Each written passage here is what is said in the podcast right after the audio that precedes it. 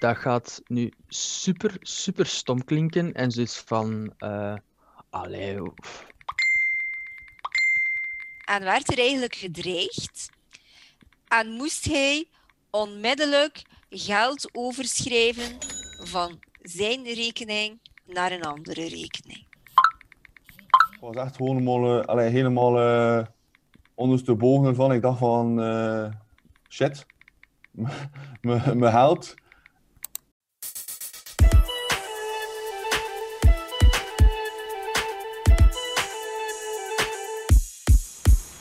Vannacht kon ik niet slapen. Vandaag heb ik afgesproken met mijn medestudenten Maria Christina voor een grote opdracht voor onze richting communicatiemanagement. Ik ben gestrest, want we hebben nog heel veel te doen. Ik ben te laat op onze afspraak, want mijn trein had vertraging. Ik kom aan het juiste lokaal en zie haar zitten. Hey Maria, sorry dat ik te laat ben. Oh, hey Stanny. Alles goed? Ja, ça va? En met jou? Ja, goed hoor. Ah. Oei, wat is er? Eh, momentje, ik kreeg hier een bericht binnen van het VRT Nieuws. Danny en Anne zijn 43.000 euro verloren door een internetoplichter. Dat is toch een vorm van phishing? Phishing? Hoe bedoel je?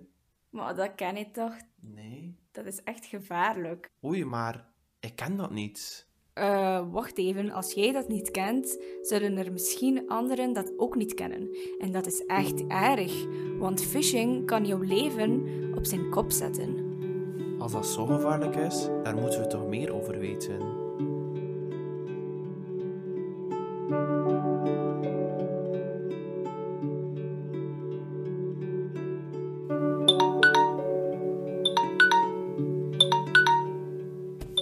De volgende ochtend ben ik opgestaan voor een gesprek met Nathan, een vriend van mij. Het is vroeg en nog donker buiten. Ik start mijn laptop op en bel hem via Teams. Nathan is 21 en studeert cybersecurity bij GoWest. Hij is afgestudeerd in toegepaste informatica, systeem- en netwerkbeheer bij Go Gent.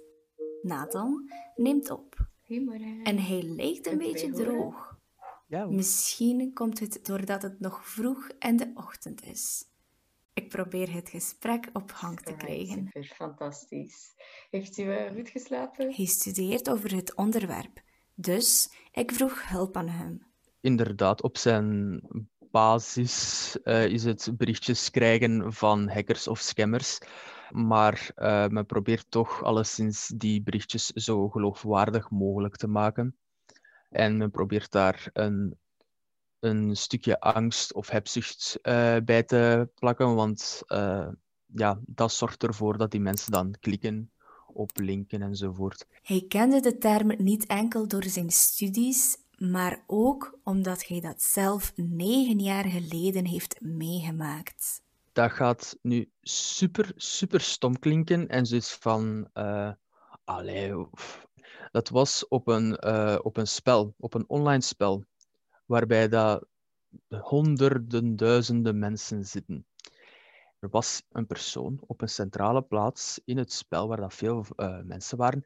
En die begon constant eh, te typen en te zeggen in het spel van hey, ik, stop, ik stop met spelen, geef al mijn centjes weg aan, aan iedereen. Want ik ben het beu, is gedaan. Maar eh, je moet je registreren, je moet eh, naar die YouTube-video gaan voor meer uitleg.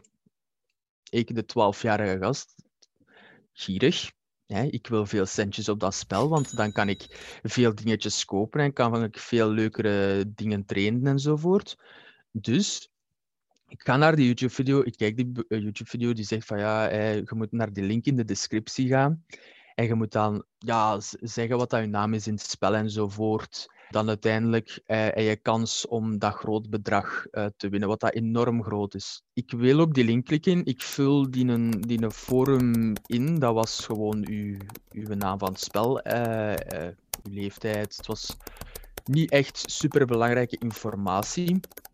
Maar daarna, helemaal op het einde, als je dat dan had inge ingezonden, stond er een link om terug naar het spel te gaan. Maar die link was niet van het spel.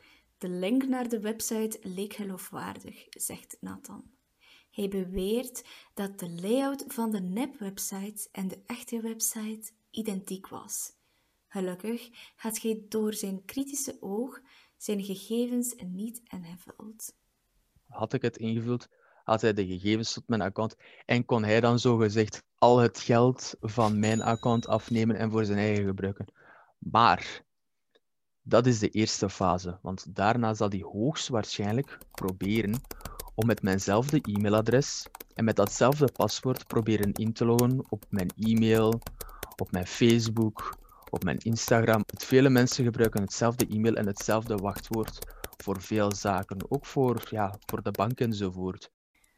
Ondanks dat kinderen geen Instagram of Facebook hebben, kunnen ze nog altijd een slachtoffer zijn van phishing. Zo geven ze de gevolgen door zoals een virus naar de familieleden. Na het gesprek met Nathan sluit ik mijn laptop af. Ik wil de informatie verwerken tijdens een wandeling. Ik wandel langs mijn vorige school en kom iemand tegen die ik al lang niet meer heb gezien. Het is mijn oude leerkracht. We babbelen lang en ze vertelt me over een merkwaardig verhaal. Dat leek wel op het gesprek met Nathan van de ochtend. Maar nu waren de hoofdpersonages in een totaal andere leeftijdscategorie. Een 70-jarige man die dagelijks gespamd werd met neppe berichten van de bank. De oplichters manipuleerden en verplichten hem tot actie.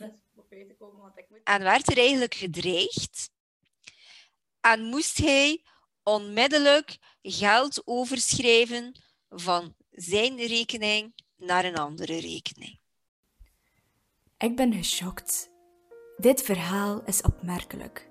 De oude man weigert om erover te praten en schaamt zich. Ook zijn dochter verloor geld omdat de oplichters hem dwongen om geld over te schrijven van de dochters rekening. Dit is duidelijk een voorbeeld van hoe de hackers geen genade hebben en profiteren van onze familiebanden. Ondertussen werd het avond en ik keer terug naar huis. Voordat ik ga slapen, vertel ik alles aan Stanny in berichtjes.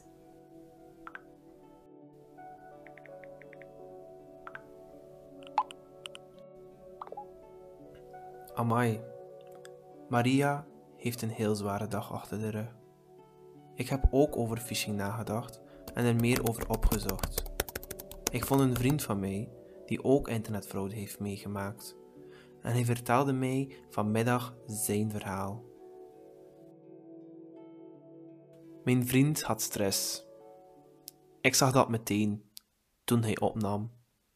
Hij vertelt zijn verhaal niet veel. Ehm, de, het is gebeurd eigenlijk in het begin van de corona.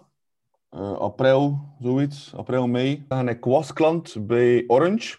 Um, kreeg ik plots een mail uh, binnen dat ik nog een factuur moest betalen. Dus ja, ik, ik was dan op de hoogte dat ik nog uh, factuur moest betalen. Dus ik klik gewoon op de mail. En kwam eigenlijk al zo op de, op de site van, de, van Orange terecht. En daar kon ik ja, gaan betalen. De, de website zag er normaal uit, zoals altijd. Um, toen ben ik uh, doorgestuurd geweest naar een website van de KBC om te betalen. En ja, ik, ik betaalde daar gewoon mijn bankgegevens invullen. Maar blijkbaar, uh, naar achteraf gezien te zijn, was dat natuurlijk een nep-website van de KBC. Waardoor ik ja, toch wel heel wat geld ben kwijtgespeeld. Um, dat ging, allee, laat ons eerlijk zijn, toch over een 2700 euro ongeveer die naar een allee, raar bankrekeningnummer was gestuurd in het buitenland of ergens. Um, dus ja, allee, toen was er groot, echt groot paniek. Geschokt, boos, verdrietig en verdwaald. Waar moest hij naartoe? Je krijgt een melding binnen en met goede gedachten betaal je die rekening. Maar die blijkt uiteindelijk fake te zijn. Allee, ik voel me echt, allee, ik voel me echt nog, nog steeds dom, zelf als, als ik er nu over praat. Ik kon het eigenlijk echt niet geloven. Dus ik vond, allee, ik vond het al super raar. Ik, uh, allee, ik heb dan ook direct alles bekeken, naar allee, naar waar dat zou gegaan zijn en zo. En uh, ja, echt, eh, ja, ik was echt gewoon helemaal, eh, allee, helemaal eh, ondersteboven ervan. Ik dacht van, shit, mijn held. Ja, en allee, ik wist op dat moment ook geen raad. Ik, heb dan ook proberen op te zoeken, een beetje op internet, wat dan, dan andere mensen, allee, dan wel een beetje later achteraf een beetje gekalmeerd was, een beetje achter, opgezocht dat andere mensen eventueel deden als ze dat meegemaakt hebben. En ja, en die, ja, die, die gingen ook naar de politie en zo, maar allee, ja, Hij ging naar de politie, maar door gebrek aan informatie konden ze hem niet snel verder helpen. Ja, momenteel wacht ik nog steeds op een oplossing. Maar ik denk ook dat die, dat niet, dat die er niet zal komen, dat ik gewoon mijn geld niet ga terugzien.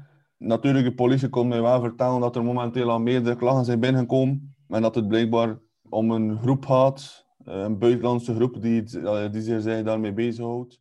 Zijn vertrouwen was hij kwijt. Hij veranderde ook van telecommaatschappij.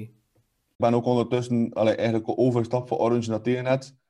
Op, een of andere, op een manier voelde ik me niet meer veilig bij Orange. Natuurlijk, de Orange, allee, Orange zelf kan, allee, heeft daar niets mee te maken. Maar dat is gewoon mijn gevoel die zegt van eh, ik wil daar weg. Eh, voor ook een beetje het verleden achter te laten. En ook iedere keer als ik een eh, factuur moet betalen, kijk ik op mijn vorige factuur of het bankrekeningnummer klopt. Zodat ik allee, het geen tweede keer tegenkom natuurlijk. De websites zijn bijzonder goed nagemaakt, zodat je heel weinig verschil merkt. Je kan veel verliezen met één klik. Die hackers zijn heel doordacht en ze weten op welke gevoelens ze moeten inspelen om jou te misleiden. We kennen dus alle twee slachtoffers hiervan, maar het is al te laat voor hen. Zouden we phishing ooit kunnen bestrijden? Zou hier een einde aan zijn? Hoe kan ik me beschermen? Hoe zorg ik dat hij niet in hun net wordt gevangen? We nemen contact met Kurt Kalewaard. Hij is cyberexpert en lector aan HOWEST. Zelf heeft hij ook een vereniging voor cybertraining en traint hij informatici tot goede ethische hackers.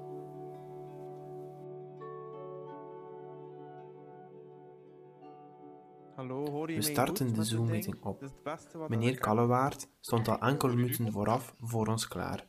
Oké. Na een lange zoektocht en struggelen met de audio kon het serieuze werk beginnen. Wat gebeurt er eigenlijk bij phishing? Er zijn twee zaken die kunnen gebeuren. Ofwel klikt je op een link en je komt op een tweede pagina. En dan noemt men spoofing. Hè? Dus URL-spoofing. Die... Dus dan kom je op een pagina en dat is net hetzelfde, volledig mooi opgebouwd. Eh, ook naar design en logo's en, en terminologie. Dat is net of dat je één banksoftware zet. En dat geeft vertrouwen. Dan zeg je, oké, oh, ik ben hier al direct ingelogd. Dat is goed, ik ga hier mijn code ingeven enzovoort. Dus, maar je zit eigenlijk niet op de website van de bank, eh, webpagina die door die hackers is gemaakt en zij ontfutselen al hetgene dat je intikt. Een andere mogelijkheid dat er kan zijn, is dat je, ja, je, klikt op iets, maar er gebeurt niks. Maar er gebeurt wel iets in de achtergrond. Er wordt malware of een keylogger, dus er wordt, er wordt eh, eigenlijk een, virus op je systeem geplaatst. Om in stilte eh, direct of na een paar weken of na een paar uren eh, uw gegevens te ontfutselen. Dat is al een beetje gespecialiseerder. Hè? Phishing heeft veel facetten, maar dat moet toch ooit gestopt worden? We kunnen het minimaliseren en, en proberen ook met zo'n systemen met artificiële intelligentie kunnen we proberen zoveel mogelijk te stoppen en tegen te houden. Maar goed, eh, die, hackers zijn ook, eh, die hackers zijn ook niet dom. Hè? Dus, eh, dus die, die gaan ook systemen uitdenken. Dus het wordt nog altijd het, het spelletje van kat en muis. De een heeft voorsprong, de ander heeft voorsprong, de andere. Hè, wordt, dus dat gaat altijd wel, laten we zeggen, ehm, een spel blijven. Phishing gebeurt niet enkel bij gewone mensen, maar ook in de professionele wereld, zoals bij bedrijven, KMO's of grote ondernemingen. Maar de mensen zijn daar een beetje, eh, en bedrijven ook. Hè. Dat is inderdaad een taboe in die zin dat men reputatieschade eh, vreest. Hè. Dus wanneer dat een bedrijf gehackt is, dat is een slechte naam hè, naar hun klanten toe, naar hun leveranciers toe. Mensen hebben geen vertrouwen meer in dat bedrijf. Hè. Dus eh, ook eh, als je. eh, dus, dus dat is ja, men, men, men, is dat, hè, men durft er allemaal niet te veel mee uitkomen. Hè. Men betaalt vlug die hackers en we gaan zwijgen. Hè. Dus we gaan dat niet in de krant zetten, want ja, hè, anders hebben we een slechte naam. Het is taboe, men zwijgt daarover, men durft daar niet te veel over vertellen. Eh, maar de, de, grote reden is, uh, oh, ik ben beschaamd en, en eh, wat gaan de mensen zeggen van mij? En, en het bedrijf heeft een slechte naam daardoor. En ja, dat is een beetje de, dat is de reden, dat is de grote reden. Hoor. Een bedrijf moet één iets doen wat heel belangrijk is. Wijze les hier. Het belangrijkste is een backup. Kopie van je gegevens, dagelijks te doen.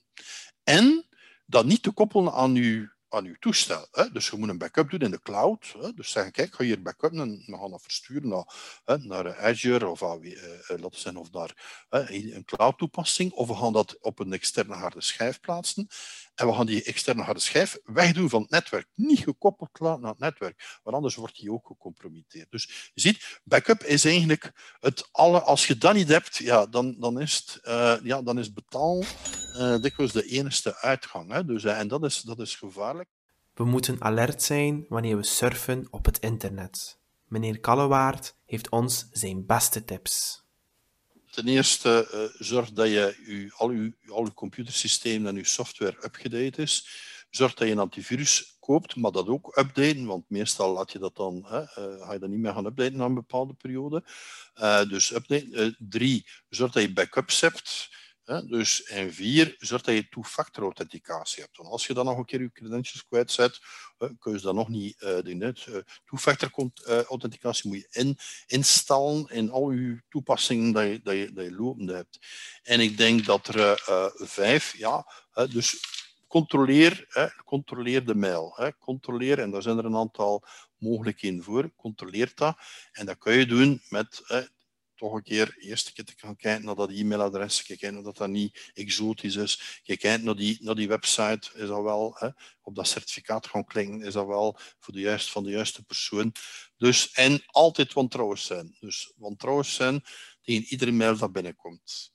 Um, wanneer dat het onverwachts is, uh, wanneer ze wel eh, bespelen, hè, dan zijn op je emoties. Hè, je moet betalen. Hè, wanneer je het mooiste cadeau voor u uh, hebt, hè, hebt een erfenis binnengehaald. Uh, laten we zeggen, we hebben een coronapremie. Wanneer iets krijgen, uh, ik heb nog nooit iets gekregen.